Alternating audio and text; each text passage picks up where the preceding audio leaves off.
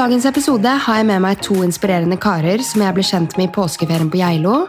Jeg satt ute på balkongen og drakk morgenkaffen min, og helt tilfeldig kom Øyvind og jeg i prat om alt fra helsesnakk til boken han har skrevet om svigermoren sin. Og jo mer vi snakket, og etter hvert som jeg fikk snakket med Helge, skjønte jeg fort at jeg hadde funnet to nye podkastgjester. Og jeg må bare si at det er det her jeg elsker med podkast. Alle menneskemøtene og livserfaringene jeg får dypdykke i. I episoden får vi høre Øyvind og Helge sin kjærlighetshistorie, og fra tiden begge var aktive i homobevegelsen i overgangen mellom 70- og 80-tallet. De deler hvorfor åpenheten har vært nødvendig for et godt liv, og verdien av søndagsgruppa som eksisterte den gangen.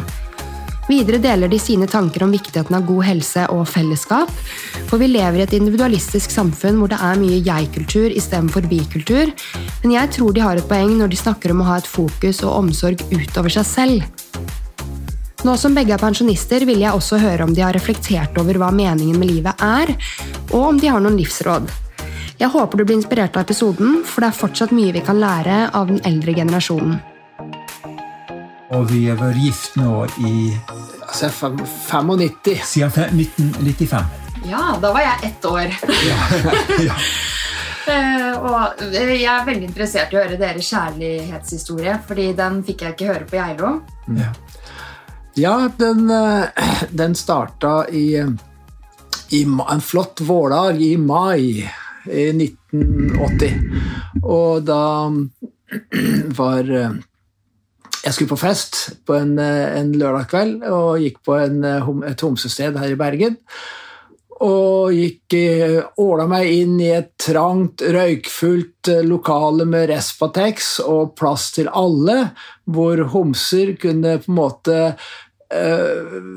senke garden og være seg sjøl i et eh, godt, eh, varmt miljø. Og der sto Helge i baren og solgte øl. Og så syntes jeg at han var veldig kjekk, da.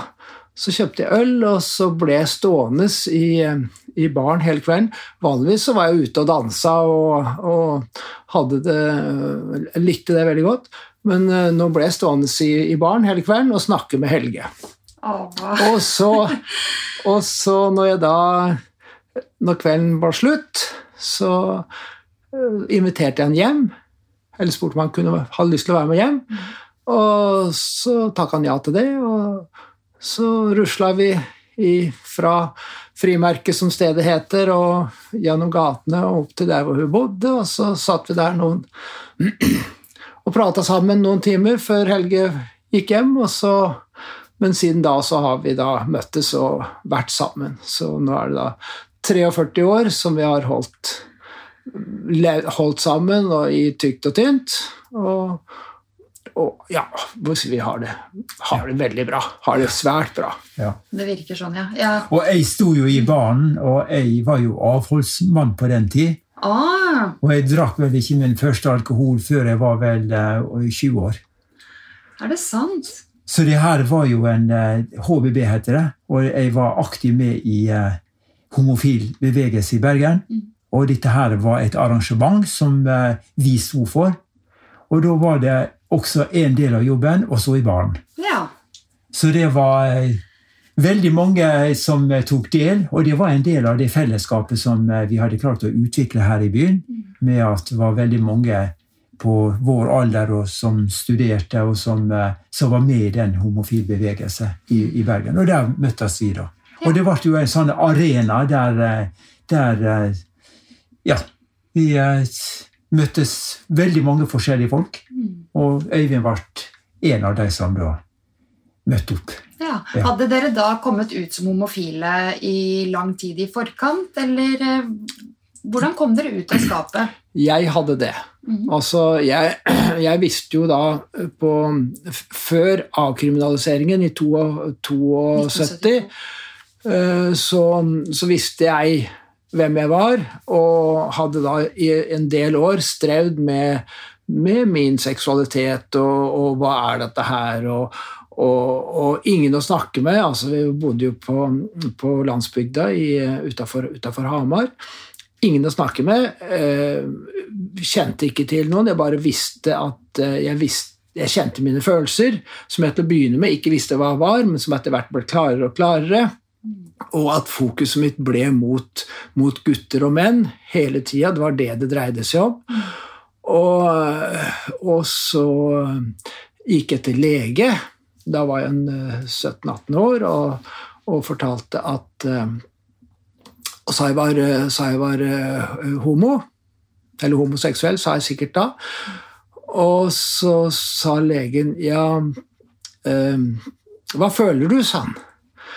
Jeg visste ikke hva jeg følte, jeg hadde ikke noe språk for, eh, for, for, det, jeg, for det, jeg, følte. Og så, ja, så sa han at jeg tror du, skal, jeg tror du er, masse, masse, du er så vidt ferdig med puberteten, og dette her, eh, det, mange har forskjellige tanker, så dette her det ordner seg helt sikkert. Mm.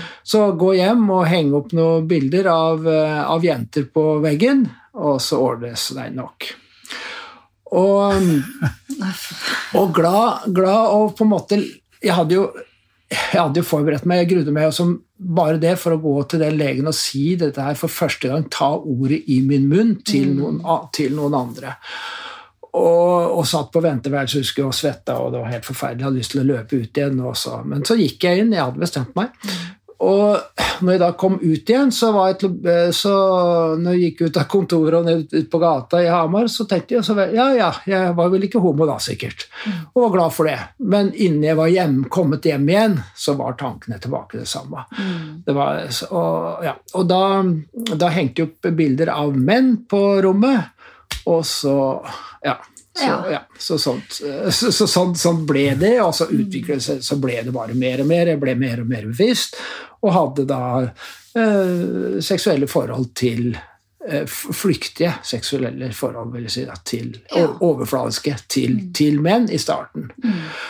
Og lov, da, da, da, var jo dette her kriminelt, eh, men, eh, men, det hadde ikke jeg forhold til. Jeg visste, ikke at det var, jeg visste ikke at det var en lov. Som, den var jo for så vidt også død, men eh, jeg kjente ikke den loven. Visste ikke dette her, at det var ulovlig, det det, det, det, det jeg drev med. Tenk at det var det. Men ja. foreldrene dine, de, når fikk de vite det? Ja, De fikk vite det da i uh, midten på Eller begynnelsen ja, Litt før uh, midten på 70-tallet, kan de si da, cirka. Og, og jeg gikk jo og, og grubla og hvordan skal jeg få fortalt dette her. her. Jeg hadde ei venninne som, eh, som, jeg uh, betrodde meg til. Uh, og så Det var det første.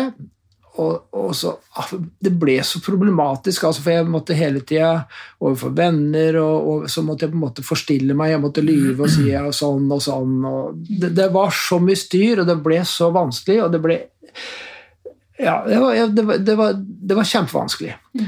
Og så eh, bestemte jeg meg for at sånn kan jeg faktisk ikke leve livet mitt. Jeg kan ikke gå rundt og forstille meg.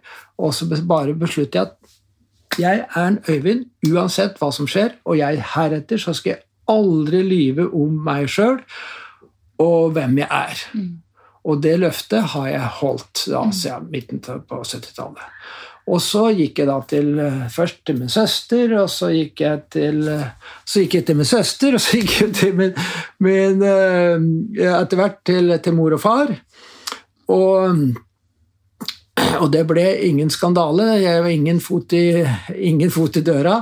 Altså, de, de, hadde forstått mye mer enn det jeg, enn det jeg var klar over. Og, og, de fortalte jo da at et, et vennepar av mor og far de hadde ei datter som var veldig interessert i meg, men de hadde aldri vist noen interesse for henne. Og de, ja, så at de skjønte at uh, altså her, er det, her, er det, et eller annet. Og, Og, hvor, hvordan jeg var, og hva jeg, hva jeg var opptatt av, osv. Så, videre. Mm. så uh, ja. Og, og, så vokste Så, så flyttet jeg da til Bergen i, i 1975. Og begynte, eller 76 og begynte å studere. Etter at jeg hadde vært i militæret og hatt, vært skjult homse der et år. Mm. Og så kom da Ja, så da, og da, da, var jeg helt frigjort i Bergen. og, og og, og, visste hvem jeg var, og det var ikke noe problem lenger. Og, og, og når jeg da kom inn i et etter hvert inn i homsebevegelsen via Helge. Det var han som trakk meg inn, og det forholdet. Og, og, vi begynte å jobbe sammen med organisert eh, homoarbeid. Ja. Altså, vi sto på Ja, vet ikke, skal du fortelle? Vi sto, vi sto er gjerne det. Ja, ja. Mm -hmm. ja nei, jeg er litt annerledes. Jeg var, kom veldig seint ut. Jeg var, kom egentlig først ut etter jeg kom til Bergen. Mm. Og eh, jeg ante jo når jeg gikk på gymnas, at jeg var, var homse. Men det, det, var ingen homse i området, og det var på en måte sånn så det, det opptok ikke liksom min tid. Mm. Også i militæret så så du at det var enda mer klar over at du var homse, men, men du på en måte gjorde ikke noe ut av det. Så jeg hadde ikke noe forhold før jeg eh, kom hit til, eh, til Bergen. Og når jeg kom til Bergen, så tok jeg kontakt da med med eh, homsemiljøet i Bergen nokså fort. Mm. Og kom inn i et utrolig godt miljø.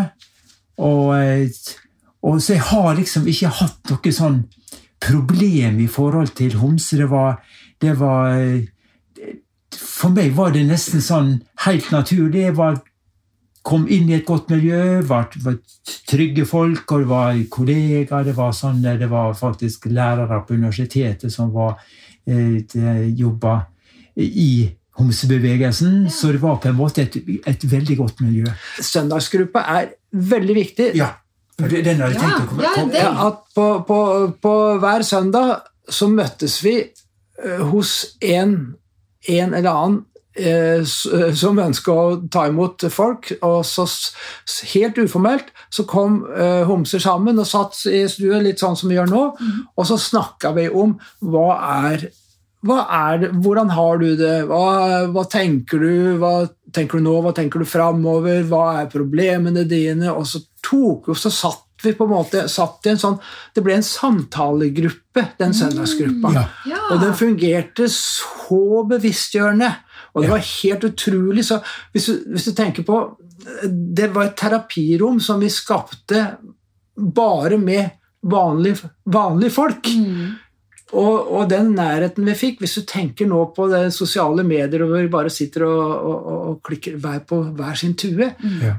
Så Ja, for de som var i den gruppa, det ble jo etablert. Eh, og, den, jeg ble kjent, den søndagsgruppa. Mm. Eh, og der var jo folk med ulike bakgrunn. Noen hadde foreldre som hadde problemer med å godta at sønnen eller dattera var eh, lesbe eller homse. og og eh, noen som hadde strid med det og det, og, og noen som ikke hadde det. Mm. Og så delte vi erfaring inne. Hvor uh, håndterer du det, og hvordan skal vi, uh, vi uh, Ja. Alle problemstillinger som kom opp, fant vi løsning i denne gruppa. Så det var, var på en måte en, en med på å bygge det opp. Og da tok vi opp i og med at vi deltok i informasjon. Vi reiste rundt på skoler, hadde informasjon på gymnas og på, på folkehøgskoler, og så på stand i byen. Og diskutert oppe på, på universitetet, bl.a. innenfor husker på møte med Psykologisk institutt. så hadde vi en, et møte med. Der også var det mye ullent syn. Mm. Men poenget er at den gruppa gjorde at du på en måte sånn fikk backing. Og det var et fellesskap og så hadde vi et, det fellesskapet gjorde at det du så utover Du hadde på en måte problemstillinger som ikke gjaldt bare deg sjøl. Du så at å, her har du naboen akkurat det samme. Da trenger ikke jeg sitte og tro at det er noe galt med meg og bare med meg. Og sånn var det enda flere. Så fikk du det at dette her er jo allmenne ting. Mm. At folk har problemer og sliter og sånt. Gå utover den enkelte. Og at du kan få fellesskapet med på å løfte deg og gjøre deg trygg. Så det her var på en måte et sånt, et sånt uh, forum, eller fora, for å, å, å, bygge opp folk. Sånn at du kunne gå ut, fronte ting. Mm. For vi måtte jo bryte ned holdninger ute. Ja, det var ikke nok med å bare å, å være seg sjøl. Vi måtte mene ting om, om forskjellige ting. Mm. Ja, en, en lovparagraf gjør jo på en måte Det, det, er, det, er, en viktig offentlig godkjenning av ok, nå er, nå er det lov til å være, være homoseksuell. Men det betyr jo ikke at det endrer holdningene til nei, mennesker. Nei. Og det er, der, det er det som er, eh, det er, det som er hele, hele at du må jo jobbe systematisk, og som Karen Kristine Friele gjorde i, i, hele sitt liv, og jobba og jobba med, eh, med å stå i fronten og ta alle kampene, og sa at vi må ikke gi oss. Altså er, kampen er aldri vunnet. Med lite, på et øy, lite øyeblikk så er plutselig alt tilbake, og vi har tapt alt igjen. Men de, de, de som gikk i den søndagsgruppa, de for 40-50 år, år siden er fremdeles kjenner hverandre og er venner og omgås fremdeles. Så det ble en utrolig utrolig sterk gruppe, og enormt viktig. Hvor mange var det som møtte opp på disse søndagsgruppene? Det kunne være 10. Kunne være 15, kunne være 20. Og så det kunne, være 5, eller 5. Eller 5. Ja. Dette er venner for livet i dag? Ja, ja dette er venner som, som, vi har i dag. Og det er en del jo flytta bort fra byen. og og, så det, vi omgås og spiser middag med noen av dem. Og, ja, og, vi har sånn, ja, morgen skal vi ha middag her, og da er jo en del av dem var med i, i, i søndagsgruppa. Ja.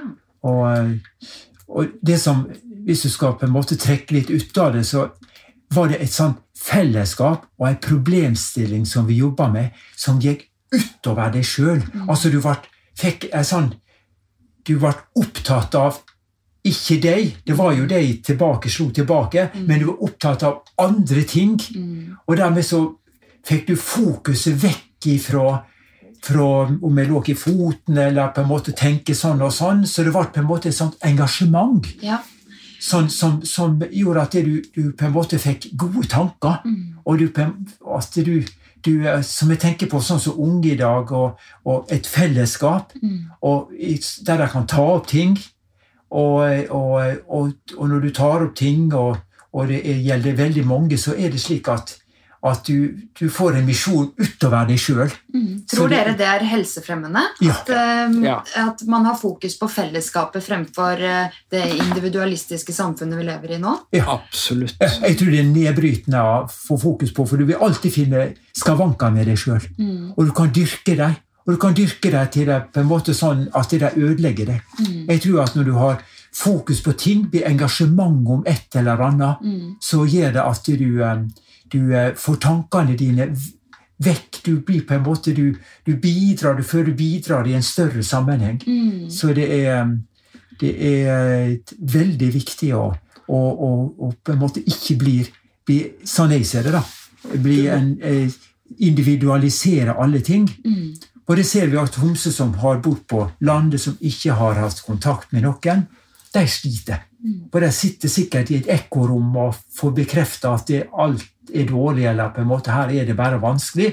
Og du får ekkoen tilbake igjen. Ingen som drar det ut av, av det rommet. Mm. Og som, som, gjør at du kan få andre tanker, eller komme deg ut og, og, og, og gjøre. Og så er det jo en del som på en måte er problematisk. og å stå fram som homse. Det er, og det har vi sagt at det må de, det blir et individuelt, det må de vurdere sjøl. Mm. For vi kjenner jo homse rundt omkring som, som ikke er kjent. Ja. Både innenfor den ene, innenfor idrett, innenfor sport, mm. som ikke sier det. Men for dem kan det være veldig vanskelig å og, og si så vi har sagt at ok, det her må jo folk få bestemme sjøl hvor grensen skal settes. Men erfaringen, erfaringen med alle som, eh, som, som står fram i dag, er jo at stort sett alle så, så går det veldig bra, og det blir, blir, tatt imot. Sånn som vi ser det. Nå er det selvfølgelig eh, det å, Det det å være ung i dag kan vel ikke kan ikke jeg sette meg inn i. Jeg kan nok ikke helt forstå hvilket press og hva de unge er utsatt for. Men, og, og, men den komme ut-prosessen, den, den, er, den, er lik sånn som når, når, vi kom ut. For alle må på en måte gjennom, de må finne av seg sjøl. Hvem er jeg, hva vil jeg, hva skal jeg, osv. Det, det er jo en prosess alle må gjennom. Ja, ja. Og så øh, øh, men det er jo mer opplyst i dag, sånn at det er mye lettere å få tak i informasjon. Det er lettere å altså det, ja, det, det, det, er, det er, en, er, på agendaen, og du kan se du har, du har forbilder som du kan se i, i, i media og i, ja, overalt. Det er homser overalt, egentlig. Så det, gjør det bør gjøre det lettere. Men så kjenner ikke jeg til hvor tøft presset er i, i, i, i ungdomsskolen og der. For jeg hadde en kollega på jobb, og så, eh, og så sa jeg til han at hva i all verden er det dere forteller barna deres? Når når vi hører at det er masse om uh, uh, soper og homo Det er masse om de, uh, sånne skjellsord som slenger rundt i lufta på, i klasserom og på skolen osv. Hva, hva er det du lærer de? Mm. Og da sa han ene at altså at det er så tøft det er så tøft i, i, i skolen, og det er masse om dette her normalitetsprinsippet og mot rette altså den rette buksa, den rette genseren og alt dette her er, er liksom så viktig. Og, så, og så for, derfor så, så, forsvinner det der, det der eh, det kommer egoismen inn, og så forsvinner samholdet. Og, og, og, omsorgen, ikke minst. Omsorgen for dine kamerater og venner.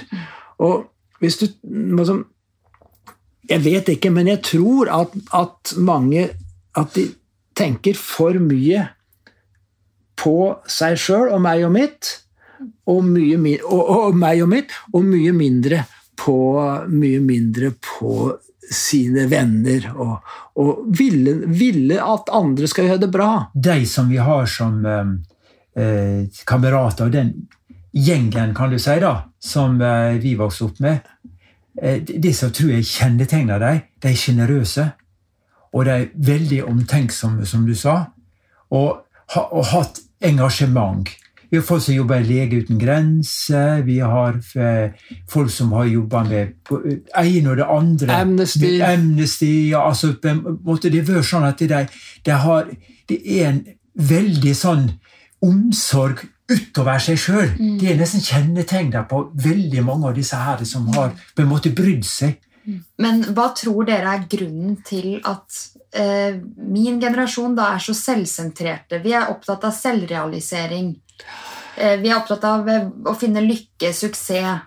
Meg, meg, meg det er jo en del, jo en del av, av, av, samfunnet totalt sett som, som, har gått i den retning. Altså, vi er jo blitt et, eh, et forbrukersamfunn hvor, eh, hvor, eh, mer og mer og mer er, er veldig viktig. Og det å være vellykket er, er kjempeviktig å eh, gå på Utføre bragder, eh, komme på TV, vise seg fram. Eh, her kommer jeg. Eh, eh, det er, av, det er en del av, hele samfunnet sånn som det er blitt. Mm.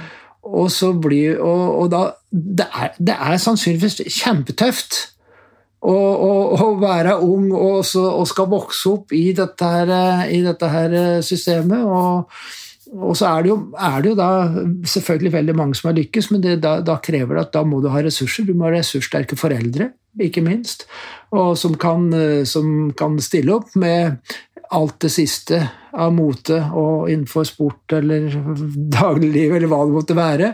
Og så har du da eh, mange som ikke klarer å være med på det her kjøret fordi det er for kostbart, og da får du jo en veldig sånn du får et veldig delt samfunn da, med, med, noen som lykkes og noen som ikke lykkes. Og så går de og ser på hverandre, og så tror de som da ikke har det så bra, tror at alle de andre er så lykkelige. Men det er jo slett ikke sikkert det er riktig.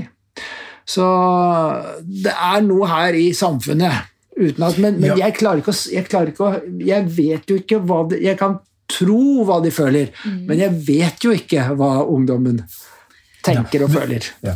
Så har du sosiale medier, mm. som jeg antar er eh, Ja, flesteparten av unge er inne på et eller annet av disse mediene. Og der blir du fortalt enten liker du deg, så liker du ikke. Det blir veldig brutalt, føler jeg, det opplegget. Så har du det generelle, jeg tror det er generell utvikling. Eh, med, tidligere så var det sånn at, eh, og det har du enda, når det gjelder fagforeninger, så det var sånne eh, knusing av fagforeninger. Individet skal forhandle sin egen lønn. Eh, det betyr at eh, du er helt overlatt til deg sjøl. Det slår inn på skoleverket, der du kan si at det er enkeltpersoner. En enorm kamp om, om blir tøft, Samfunnet blir tøft, og det blir enorm kamp om å få de gode stillingene eller gode jobbene. og og, og, og, mange faller av på lasset. Altså det er, det er blitt eh, beinharde krav. Og det er jo litt interessant, for nå ser vi under den streiken som var nå, mm. så er det veldig mange som melder seg inn i fagforeninga.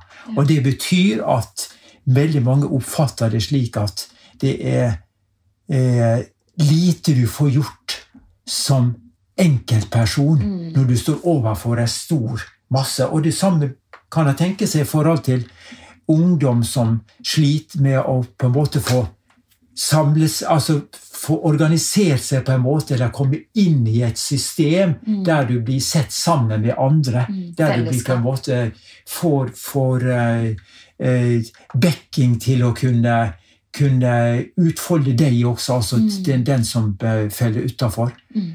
Så det er, det er veldig vanskelig med en individualisering tror jeg kjennetegner på, på den utviklingen vi har hatt nå i veldig mange år. Det jeg er veldig, veldig enig. Mm. Og så har du denne her, den, Det som jeg syns er ille, det er, det er den, her, her, den klikkmentaliteten, altså likes. Mm. Fordi at det kreves ingenting, og, og det koster ingenting å klikke på sånn like.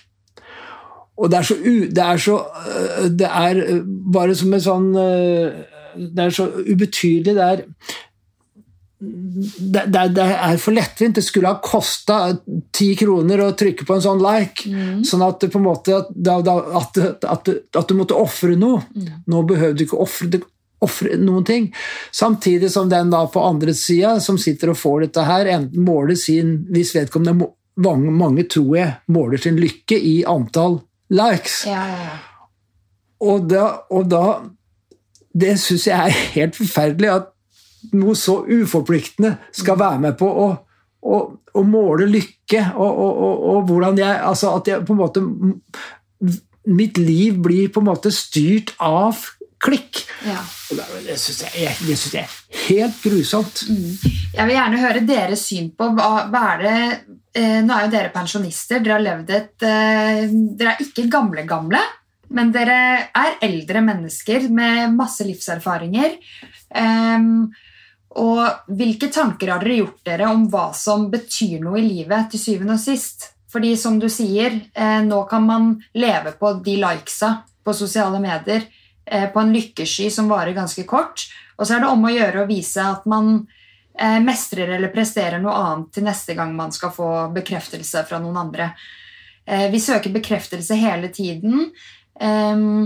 Og vi, vi, jakter på meningen med livet, lykken. karrierestigen skal klatres opp. vi skal være så suksessfulle. Men hva er deres tanker om hva eh, livet egentlig i bunn og grunn handler om? Det er, ja, det er et veldig vanskelig spørsmål. Eh, Men først og fremst så vil jeg si at vi snakker aldri om lykke. Helge og jeg snakker aldri om vi er lykkelige eller noe annet. Men vi, vi, har, det, vi, vi har, det, veldig bra ut fra at vi har eh, Vi har god helse. Vi har vært sannsynligvis vært relativt heldige med, med våre gener. Og så trener vi veldig mye. Det er en del av, eh, veldig viktig del av livet vårt, begge to. Vi konkurrerer litt mot hverandre. Vi tenker ikke eh, på lykke. Altså, jeg går ikke rundt og, og, og, og, tenker på om jeg har det bra eller dårlig. Jeg føler at livet går så fort. Ja. Dagene går så utrolig fort at det er masse ting du ikke får gjort. Mm. Og da tenker jeg at det er også et eksempel på at du, du må ha det bra. Jeg føler det er relativt strukturert liv. Mm. Vi har eh, trening som er sånn og sånn. Eh, Den er stort sett på samme tid eh, hver dag. Eh, Vi er på Sats. Vi møter veldig mange på Sats, veldig mange hyggelige folk. Ja. Mm. Og Ja, det er faktisk viktig sosial arena. Ja, Kjempeviktig. ja, at Ja. du er for den del. Vi er nå og da på teater, så blir på en måte litt sånn topper seg hvis du er med på, på forskjellige sånne ting. Mm. Konserter. Ja, og så eh, eh, lytter vi litt på musikk sånn eh, innimellom, eller det gjør vi relativt ofte. Og så Spiser vi veldig godt. ja, og så har vi vært heldige, for vi har hatt jobber som har gjort at vi har vært veldig selvstendige. Og dermed så har vi på en måte Vi var jo åpne på jobb. Mm. Og, og eh, helt åpne, og jeg tenker gru hvis ikke jeg var åpen på jobb. Hvis jeg skulle gå rundt og holde skjult ting. Og det kan jo være andre har andre ting å holde skjult. Hvor vanskelig det er hvis ikke folk tar opp problemstillinger og løfter det. Så blir det at det bare kneger det ned hvis du ikke, ikke tar det opp. Og, og så, sånn sett så har du, vi er veldig sånn, faktisk sånn trygg bakgrunn. Vi har liksom ikke kommet hjem igjen. Vi kunne vært slitne, men det har vært på jobb. Veldig mye jobbing eller veldig mye sånt, men ikke sliten pga. at du er lei jobben eller kollegaer som du ikke liker, eller fått et eller annet tilbakemelding som du da ikke trives med. Så det har vært veldig sånn det, det, det, ja, Og det har på en måte gjort det andre ting også enklere. Men det er ikke alle som har det sånn. Jeg har, lyst til å, jeg har lyst til å tilføye, for akkurat det der er selvfølgelig viktig. Den, den åpenheten som, eh, som vi har hatt, den er, eh, den, det, det har vært helt nødvendig for et, for et uh, godt liv. Og jeg har lyst til å fortelle en uh, historie fra Gå litt tilbake når jeg da fikk min første, når jeg var utdannet, fikk min første jobb i et, eh, i et stort eh, firma. Så jeg var på intervju, og vedkommende spurte hvorfor jeg, eh, hvorfor jeg da ville jobbe i Bergen, og så sa jeg at jeg har samboer i Bergen. Og det ble jo da Det var jo da oppfatta som ja, det er som Kone og barn, kone eller? ja. Ja. ja, ja. Og så sa, jeg ikke noe, og så sa vedkommende ja, hva gjør, hva gjør hun? Og da sa jeg vedkommende studerer sosialøkonomi. Og så ble det ikke noe mer, men eh, ja, så fikk jeg jobben. Og første dagen på introduksjon så, så fortalte det at eh, den, den eh, sam, min samboer var en, var en mann og ikke en kvinne. Og det ble, ganske, det ble det en del rabalder rundt. Er det sant? Ja. Og så, og så kom da han som hadde intervjuet meg, kom, og så sa han hadde du sagt det på intervjuet, så hadde du aldri fått jobben. Og, men jeg hadde fått jobben, og det var Nå er vi altså i 1980-81, og øh, øh, ja, De kunne jo ikke gjøre noe, jeg, og, så jeg var, hold, jobb, gjorde jobben min, og den, eh, den har jeg jo for så vidt gjort tilfredsstillende, da. Og så etter noen år så kom vedkommende som hadde intervjuet meg, så kom han til meg, og så sa han Øyvind, sa han, vet du, jeg har, aldri, jeg har aldri hørt noen noen gang si ett stygt ord om deg i vår organisasjon. Og, ja.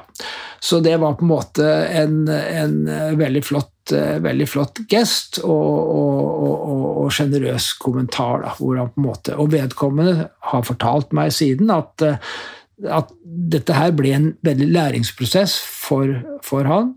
Og eh, at han eh, måtte gå gjennom, tenke gjennom seg sjøl og sine fordommer og, og, og, og det hele. Så, ja. Så det var med på. Og, Helge var med i vi var, var, det var mye jobb, øh, jobb i mange tilfeller med, i jobbsammenheng hvor Helge eller Helge var med på alle. Når det var noe, noe øh, spesielt Sosialt. sosialt, så var han med. Helt som en selvfølge.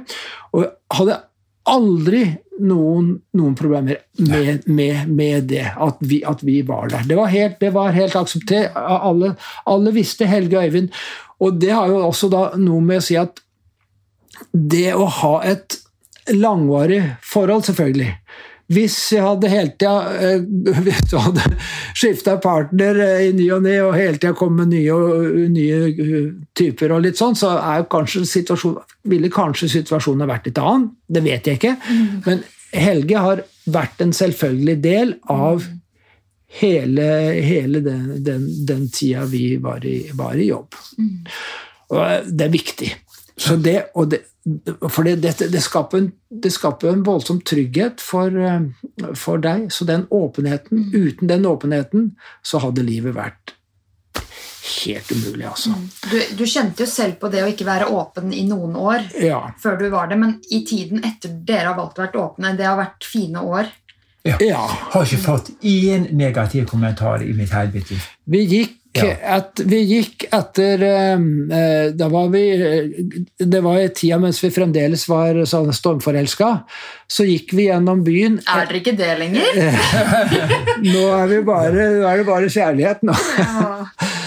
Sånn at når vi gikk en lørdag kveld og, og leide hverandre gjennom, gjennom byen, så kom vi opp og gikk vi over torvet, og så klokka var tolv-ett om natta. Og så kom det. Det var vel under Festspillene, ja. Og så kom det da en, eh, en guttegjeng mot oss, og så sa jeg til Helge nå, nå blir det bråk. Nå, dette her går ikke bra. Men vi gikk nå og holdt hverandre, gikk og leide hverandre. Og da kom de mot oss og sa at da, gutter', sa de. Ja. Og så gikk de videre. Det var en guttegjeng. Åh, Ja. Det, det er Og når, når jeg fortalte der jeg, i, forbindelse med, I forbindelse med boka, presen- eh, boka som jeg har skrevet, da, med historien om Vilde, så hadde jeg et innlegg på, eller en diskusjon på, i Foreningen FRI, altså her i Bergen, med altså homse, homseorganisasjonen FRI. Og da satt jeg og snakka en times tid om boka og, og, og opplevelser sånn som, eh, sånn som det her og her. Og, og eh, da sa jeg også at, at det viktigste vi kan gjøre som, som, som homse, det er åpenhet. Du må åpne deg. Du må åpenhet hele tida. Og, og veldig mange av de som var der, og hørte på, de, var, de, de hadde aldri hørt om noen som på hadde stått på det, eller vært såpass, eh, såpass åpne og kunne ha opplevd, opplevd så mye fine ting. da. Så det var jo på en måte godt på en måte, men egentlig litt, også litt trist for de som, de som sliter, og som går med det inni seg sjøl. Ja, det er veldig inspirerende å høre på dere, og det her er jo avgjørende for å leve ut sitt sanne jeg gjennom livet. da. Jeg tenker De som kjenner at de faller for menn eller eh, kvinner, altså samme kjønn, eh, men som ikke tør å være åpne om det og lever egentlig et liv som ikke er dems. Eh, der tenker dere at hvordan, hvordan kan de bli åpne hvis de syns det er vanskelig? Du må, du må bli du må bli sikker på deg altså Du må finne ut hvem, hvem du er. Du må, måte, du må få troa på deg sjøl. Du, må, du aksep- må akseptere deg sjøl. Sånn, sånn, sånn er det. For alle mennesker. For alle mennesker.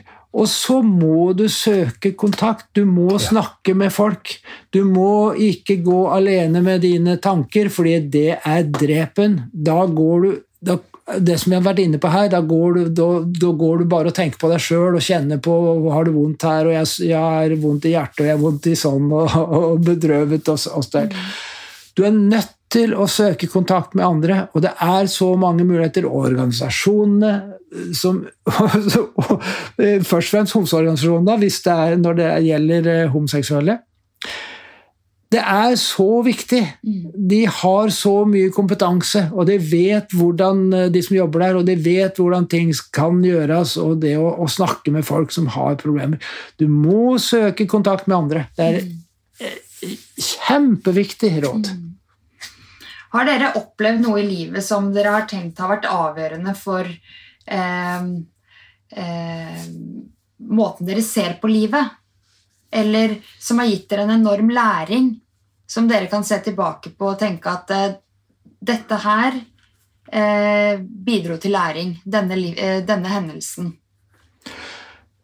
Eh, Jeg har lyst til å, for, jeg si- det har jeg lyst til å si. Fordi at jeg tror at det å ha, at jeg har vært homse, at jeg strevde på 70-tallet med hvem jeg var, det å komme ut sterk på andre, andre sida, det gjorde meg sterk. Mm. Altså det, det å gjennomgå en, en, en, en, Kall det en livskrise, da. Mm.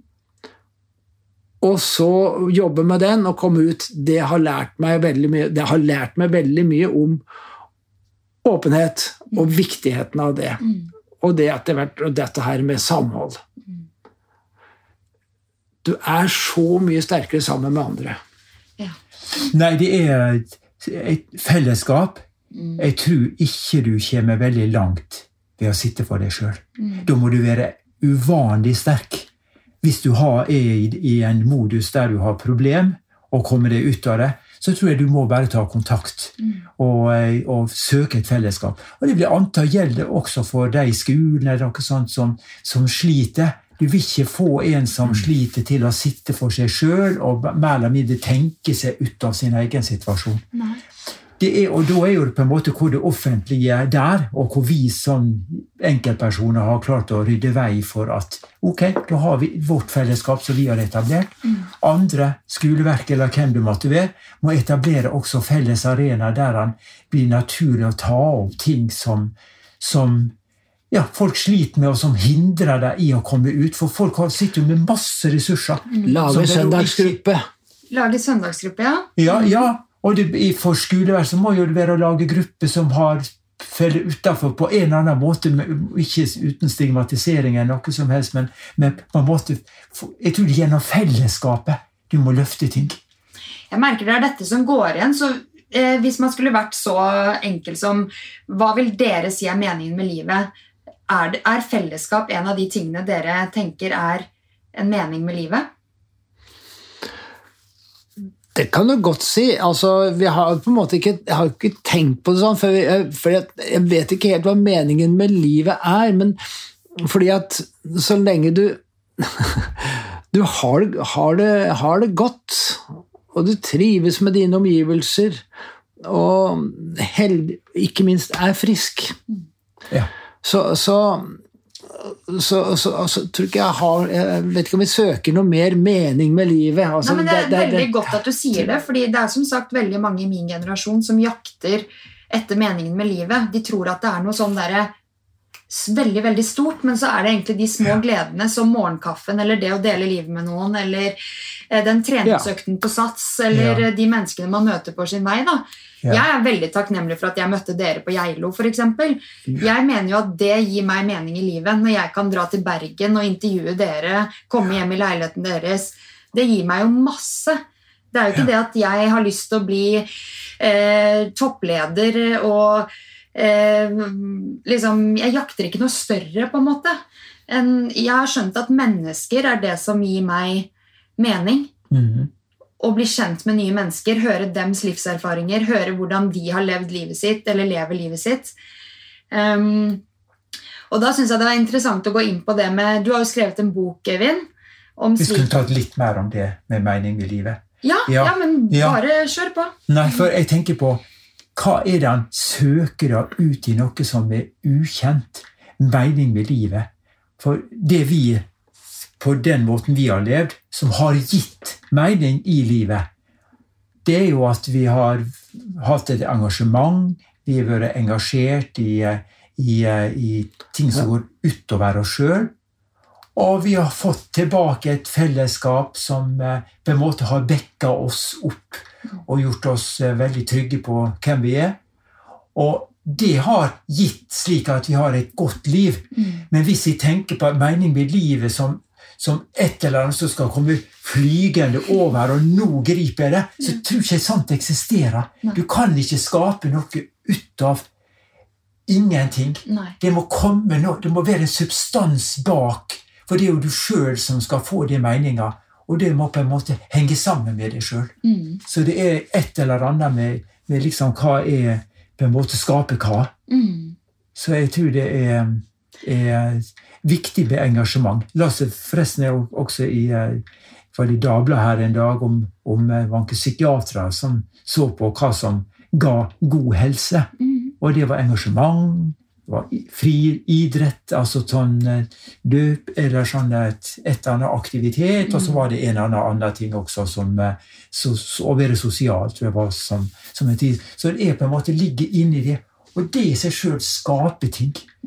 Og, og sånt. Og, og, problemet er jo å, komme inn i det fellesskapet som, eh, som eh, på en måte gir den egentlig goden som du kan leve av i, i ettertid. Altså, Som, som fastlegen min sa, at uh, dette her med forhold til uh, godt liv Altså, du Hvis du um, uh, ikke røyker er, Hvis du ikke røyker, er moderat med alkohol, du trener, du spiser sunt mer kan du ikke gjøre. Det, det andre, det er altså, da, da har du lagt alle de viktige ingrediensene, og så er det det andre er genene, om du er uheldig eller uheldig med, har vært uheldig eller uheldig med de, som på en måte bes, be, be, blir litt bestemmende. Men, men de fire tingene er, altså, det er med på å gjøre et godt liv. Og har du et godt liv, da har du Det er, det er meningen med livet. Mm. Godt sagt. Og det er faktisk fem ting som er veldig sentralt i et godt liv, da, eller god helse, og det er jo også relasjoner på toppen av alt det yeah. du snakker om. Yeah. ja. Ja. Og det har dere nevnt flere ganger. Så jeg, jeg lærer masse og blir enda klokere, selv om jeg eh, tar jo veldig hensyn til eh, disse tingene i mitt eget liv også. Um, men så er det jo et paradoks at på en måte har vi aldri hatt det bedre enn vi har det nå, men samtidig har ingen slitt mer enn de gjør i dag. Mm. det er mye dårlig psykisk uhelse og det er akkurat som at folk tror at livet bare skal være fint, men livet består jo av vonde ting, sorg, smerte, dødsfall. Og dere som er pensjonister og har litt livserfaring nå, dere har sikkert mista en del mennesker rundt dere på deres vei. Eh, hvordan kan man møte, eh, forholde seg til f.eks. døden? Ja, vi har jo opplevd mange, opplevd mange dødsfall. Og da har jeg lyst til å nevne dette her med Fordi det har sammenheng med, med, med homsebevegelsen. Altså på begynnelsen av 80-tallet, midten på 80-tallet, så så var det jo aids-problematikk som, eh, som eh, herja i verden og, og ja, overalt.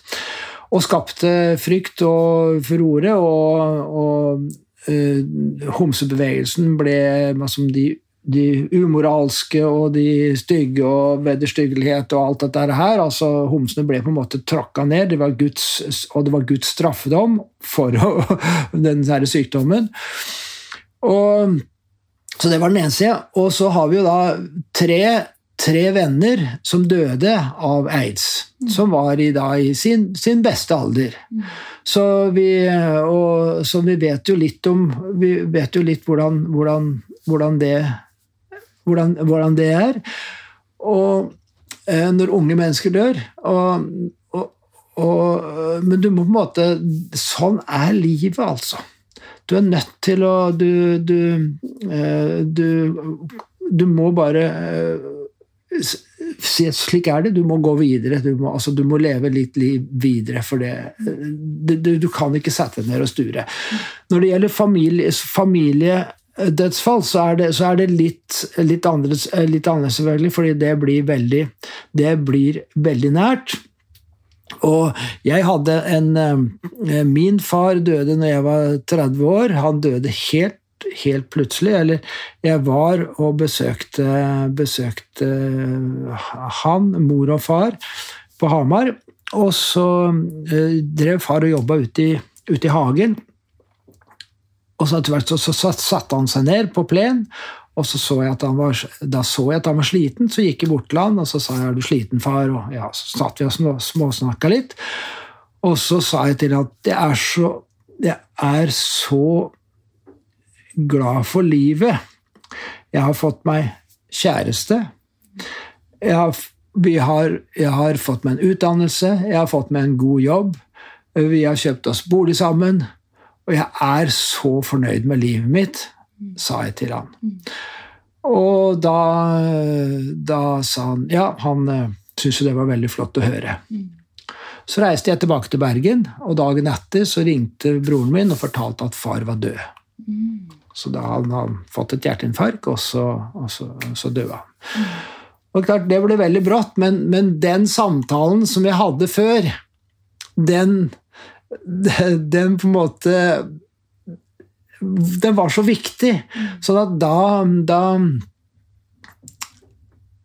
Jeg lever på en måte på det altså da hadde Jeg hadde fått, jeg hadde fått snakke med og fått tatt Ikke oppgjør, men altså sånn er det, sånn at det kan jeg leve på. sånn at Da ble det ikke så, da ble det ikke tungt. Da ble det ikke så tungt. Nei. Og det, altså det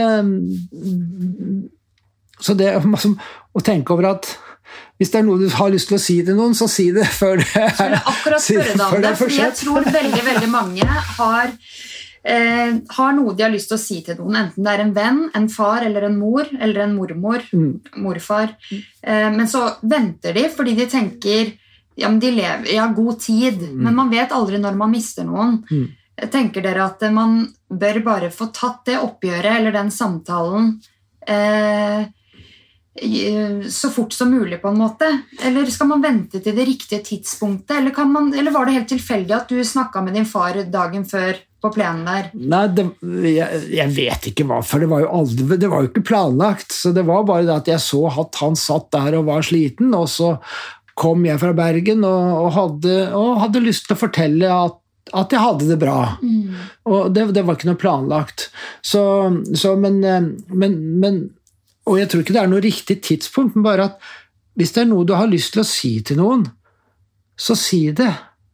Altså, Du bør ikke vente på noe Det er jo altså det å, det å gi et si, si det positivt, gi et kompliment altså Det er jo øh, det er jo så mye og, og som du sier, at det er, det er ofte ting man har lyst til å si til sine foreldre, eller et eller annet.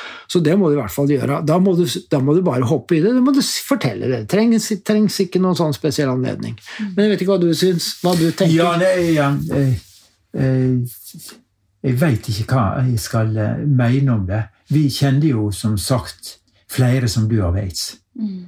Og eh, spesielt én, da. Han var jo med oss oppe på fjellet. Ja da, vi Og eh, vi visste han kom til å dø. Og han var sterk person som, eh, som ville få bare mest mulig ut av livet. Og når vi satt der, alle visste han kom til å dø, men vi tenkte ikke over det. Altså, det var sånn det, det var, Vi levde livet, han gikk ut på, vi gikk ut på ski sammen og, og, og sånt, og han hoppa jo eh, Var jo sånn politisk aktiv på, på venstre side, så han gikk jo Han tok noe sånn det var det doktorgrad sånn på slutten, da, så hoppa han av for han hadde på studiet. og sånt, så, så tok han, etter han hadde fått aids i, eh, i California, på, på, på University of California, så tok han også videre studiet. Bare for å fylle med Han visste han kom til å dø. Og vi, når vi satt og snakka der eh, eh, med han, så, så, så var det sånn eh, Du tenkte ikke døden. Og Nei, du vet jo at han hadde dødsdommen hengende over seg. Bortsett fra at han sa at 'jeg har veldig dårlig tid'. Jeg har Ja, så dårlig ja, tid. Jeg har så dårlig tid, sa han. og jeg må dit og dit. Han var sånn fort og fres over eh, alle ting og sånt, men det var sånn eh, det var, Han hadde dårlig tid, men vi tenkte ikke på døden. Og denne her, Vi jobber jo med aids også, med disse her eh, med aids-kampanjene som, som var. For vi var veldig tidlig, for vi var jo målgruppa i, i starten. Da vi eh, En Schreiners på Haukeland som var på en måte sentral i det, og han hadde jo kontakt med oss. Og vi lurte på hva det var, i, for jeg døde så eh, ofte i eller sånn i New York. Ja. Og lurte på hva det San var for noe. Om det var på en måte sånn, Og det var blant homse. Så jeg lurte på om det var infeksjon, altså et eller annet, før jeg var på en måte oppdaga. Men da var det mer sånn konkret hva gjør vi for å stoppe det? Og, på en måte, og, og folk som var smitta Det var jo trist, men det var ikke noe du kunne få gjort med det. Og det var på en måte, når tenker over det sånn i ettertid, så, så ble det veldig sånn rasjonelt. Det var på en måte sånn eh, Du så at ok, nå har han kanskje to måneder igjen, og, og sånn, for det var jo mer og mer og, og på en måte sånn en svekkelse av personen. Så du får, og når far min døde, samme så her, han eh, døde jo langsomt. Eller tre-fire måneder. Fikk beskjed om han kunne gå tilbake til jobb. Det var jo bare sånn å si et eller annet. Men poenget er at det, du venter deg til det. På, på en måte så, så var døden Der kom han nesten som en befrielse pga. smerte. Så, det var, på- så, så døden jeg tror ikke du, det er noe sånn oppskrift på hvor du håndterer det. Jeg tror det er mer sånn det som henger igjen etterpå, er hvor du hadde det når han var i livet, og når folk i det livet de levde. For når du, folk er døde, så er jo, det ikke mer. Da er jo det de som er etterkommere, som på en måte har sitter med det som motiverer tanker og, og, og, og slike ting. Sånn at jeg tror det er viktig, som du sier, sånn, hvis han vil noe, så må han gjøre det når folk er i livet. Hvis han mener at han har noe uoppgjort som gneger, og som, som han føler han bør sagt før vedkommende forlater denne verden. Jeg fikk en kommentar fra ei som hadde lest boka mi. Hun skrev et langt, eh, et langt brev til meg. Og så, og så skrev hun at særlig dette her med husker jeg mye, men særlig dette her med at hun hadde aldri reflektert over at du verden, det å, å snakke med folk mens de er i live, og, sp- og også av nysgjerrig spørre hvordan har du hatt det i ditt liv, og hvordan hva, Ja, altså øhm, hva, Er det noe du har lyst til å fortelle meg, eller jeg har lyst til å, fortelle, jeg har lyst til å vite hvordan du hadde det når du var sånn og sånn? altså ta en samtale. Og som han skrev at nå er eh, mine foreldre er døde, og tanter og onkler omtrent alt er døde, og så sitter jeg igjen, og så aner jeg egentlig ingenting om deres liv og hvordan de hadde det osv. Det synes jeg var, det var en sånn aha-opplevelse jeg fikk når jeg leste den boka som jeg har skrevet. Og det er en ting som man eh, kunne ha tenkt på ettertid. Spesielt mutter'n, da. Ja. Sånn, og hadde utrolig god hukommelse. Mm. Sånn at i ettertid så har vi lurt på det og det og det. Mm. Og, og hun kunne svare, sjøl hvor gammel hun var. Ja. Så, så husker hun det, hun korrigerte når det var noe feil og sånt. Og det har vi tenkt på i ettertid. At det vi har diskutert, skal tro det var sånn før eller etter, eller var det sånn det var, på hva tidspunkt var det? Men det er sånn som nå er jo det over, så du, du vil ikke kunne svare på det. Så hvis han har ting som, som uh, han uh, lurer på og, og vet at for nå forsvinner historien i grava, og det blir på en måte, hvis ikke den er skrevet ned, så, så er den borte. Og det er på en måte sånn eh, viktig å kunne, kunne det, Hvis tingene vil vite om, og spørre mens de er i livet. Og så tenk på hvor interessant det er da, å snakke med folk. Helt enig! spørre, og, og, og spørre om ting og være, og være nysgjerrig. Altså, du får, en, du får en god samtale, i stedet for å på en måte bare snakke om uh, været eller det som ikke betyr noe. Så, så får du, en, får du en, en, en, en, en god samtale, og det er jo, det er jo helt utrolig flott. Lytterne må jo få høre at du har jo skrevet bok om Vilde, som er moren til Helge. Ja. Din svigermor. Hva var bakgrunnen for at du ville dele hennes liv og skrive bok om henne? Ja, det var først og fremst at Eller det kom på, eh, på skiftet som, eh, som vi hadde, så, så dukka det opp en haug med dagbøker for, som hun har skrevet opp gjennom årene. Eh, fantastisk flotte, flotte, flotte skrevet dagbøker.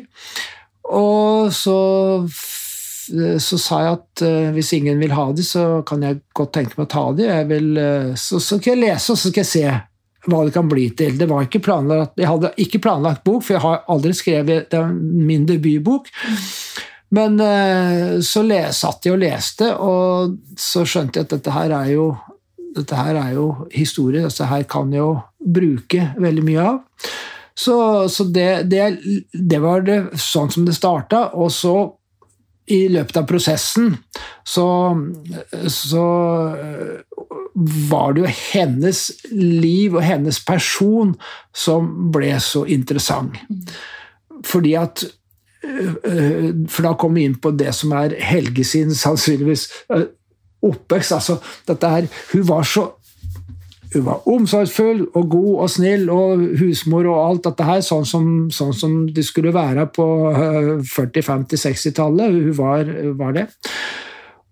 Men så var hun altså Og så hadde hun bare veldig dypt personlig kristen, beduskristen, men hun, hun var det på en veldig god måte. Hun var det på en Altså, hun, hun drev ikke misjonering eller noe, så hun hadde bare sitt, sin tro. Og den var så sterk at hun tvilte aldri. Og det, det ga Jeg tror at det ga henne en ro i sjela som fulgte gjennom hele livet. Hun hadde på en måte en, en veiviser for seg som, hun, måte, som var der, uten at han var, var veldig fremtredende i dagliglivet, men den var der, og det prega henne. Og, det ga, og det, dette her med å vise omsorg, være åpen for alle Hun snakka aldri stygt om ett eneste menneske. Aldri! Og hvis du, hvis du, så en narkoman, så sa ja, ja, det er jo sikkert en grunn for at vedkommende er blitt sånn, osv. Så det var alltid, alltid så så hun på Hun ville ikke dømme, men hun så alltid på at det er helt sikkert en grunn for at det blir slik. Var hennes tankegang. Og nå så, det, er så, det er som et sånn eventyr, altså. Mm. Hun, var, hun var så fantastisk å huske og tok imot meg på, på 80-tallet, begynnelsen på 80-tallet. Det, det var ikke noen selvfølge. Og, og, og i, det kristne miljøet hvor, hvor, eh, homoseksualitet ikke har vært noe sånn særlig eh, lykkeformel, og mens hun så på hun så personene og ville at hvis vi hadde det bra, så var hun Da hadde hun det bra også. Mm. Og hun levde til hun var 104. Ja, ja nærmer seg 105. 105, ja. ja. Og boken heter jo 'Historien om Vilde Et enestående hverdagsmenneske'. Ja. Og den fikk jeg lest på Geilo på tre dager. ja, det var veldig hyggelig. eh, og de fleste bøkene som vi snakket om før vi begynte å spille inn, handler jo veldig mye om folk som har fått til ting. Det skal gjerne være noe veldig sånn utmerkelse rundt eh, personen. Men du valgte å skrive om en, en hverdagsperson. Hvorfor tenker du det er eh, viktig for andre å få med seg hennes historie? Er fordi at det er, eh, det er så mye klokskap. og, og, det er så mye lærdom å hente fra, fra en vanlig person som, som ikke har strevd etter å nå topper eller bli kjemperik eller Altså, det, det, er hverdags, det, er hverdagslivet, det å være, og, og være sammen med familien og ha omgang og, og, søsken og alt dette her. Ja, altså Det å være til stede i livet sitt, og det, det, det var det som har fascinert meg, og det det som gjorde at jeg, på måte, at jeg beundrer henne. Og, og, særlig, og selvfølgelig så jeg, har jeg hatt gode gener og vært, vært, frisk hele livet og hadde da en hukommelse, hukommelse som jeg aldri har øh, vært i nærheten av noen gang. Og hun og var helt bevisst og satt og leste avisa da hun var 103 år. Hun løste kryssord. Hun fulgte med på radio og TV og var organisert og hadde meninger, politiske meninger. Eh, og uten at hun jobber, jobber politisk eh, med det, men hun hadde klare meninger. Eh, visste nøyaktig hvilken politisk farge hun tilhørte, og, hele livet. Mm. Og vek aldri. Mm. Og var en god person.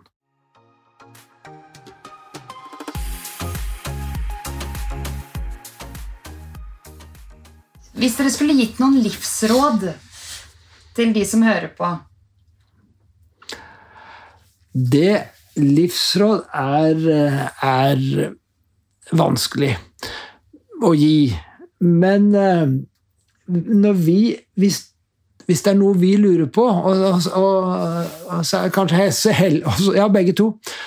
Så spør vi ofte Hva ville du ha gjort hvis du var i min situasjon? Hva ville du ha gjort? Hvis du, hos, hvis du, er hos, en lege, så vil legen si sånn og sånn, eller ja, sånn og sånn, skal du ta operasjon, eller skal du uh, ta ei sprøyte, eller hva skal du gjøre? Så, så har vi lært det tror vi begge to, så spør ja, hva ville du ha gjort hvis du var i min situasjon? For da får, du, da, får et, uh, da får, du, et, perspektiv, og da, og da, får du kanskje et annet svar enn det du kanskje hadde forventa. Og det er ting som vi, råd som vi veldig ofte bruker og lytter til. Hva ville du ha gjort? Det er et så enkelt spørsmål, Altså, så, slipper du også å, og, og det å gi råd er jeg syns du skulle gjøre sånn og sånn. Jeg syns du skulle gjøre sånn og sånn. Det, det er klart du kan gjøre det, og i enkelte tilfeller så gjør vi jo selvfølgelig det. At, men, eller vi sier at 'jeg ville, jeg ville ha gjort sånn'. Mm. Jeg ville ikke ha gjort det, men jeg ville kanskje ha gjort det sånn. Mm. Så det er vel en sånn livsråd mm. Få som, andre perspektiver. Ja. Jeg vil altså også at det var en, en struktur i livet ditt. Mm. Og at et eller annet form for engasjement, hva det enn måtte være, mm. som gjør at du kan koble tankene bort fra deg sjøl. Og da slapper du også av. Mm. Om du så sitter og leser ei bok i det stille, og det å komme inn i et annet sitt liv, eller hva det måtte være, mm. må være viktig. Mm. Og at du unngår å bli sånn at han blir intern kan intra, At han bare ser på seg sjøl. Selvsentrert. Selvsentrert. Ja. ja. Selvsentrert. For jeg tror jeg ikke kan være godt i lengda. Mm. For poenget er at du kan sikkert finne ut at du har all verdens av sykdommer, og mm. du kan finne ut at du har all verdens ting som ikke er riktig, mm. og da blir det feil fokus. Mm.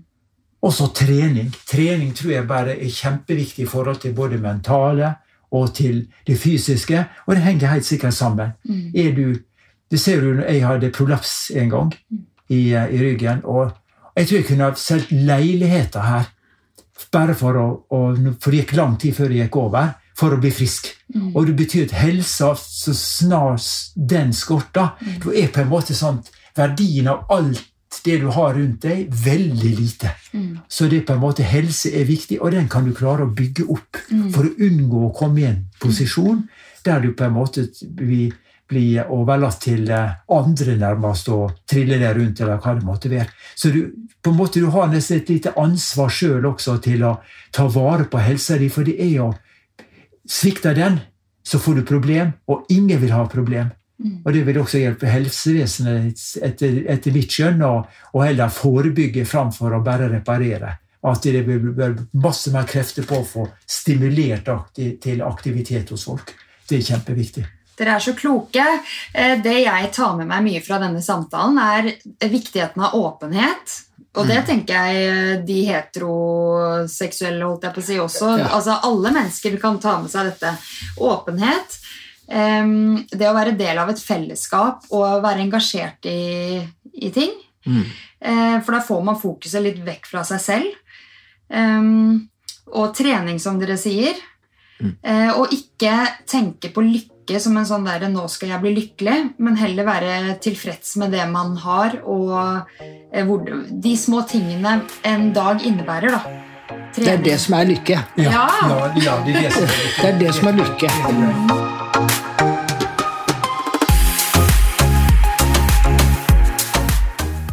Helt til slutt vil jeg si tusen takk til deg som hører på. Og hvis du likte denne episoden eller liker Inspirasjonspodden generelt, så setter jeg stor pris på hvis du gir podkasten fem stjerner, og ikke minst abonnerer på podkasten, så får du med deg nye episoder.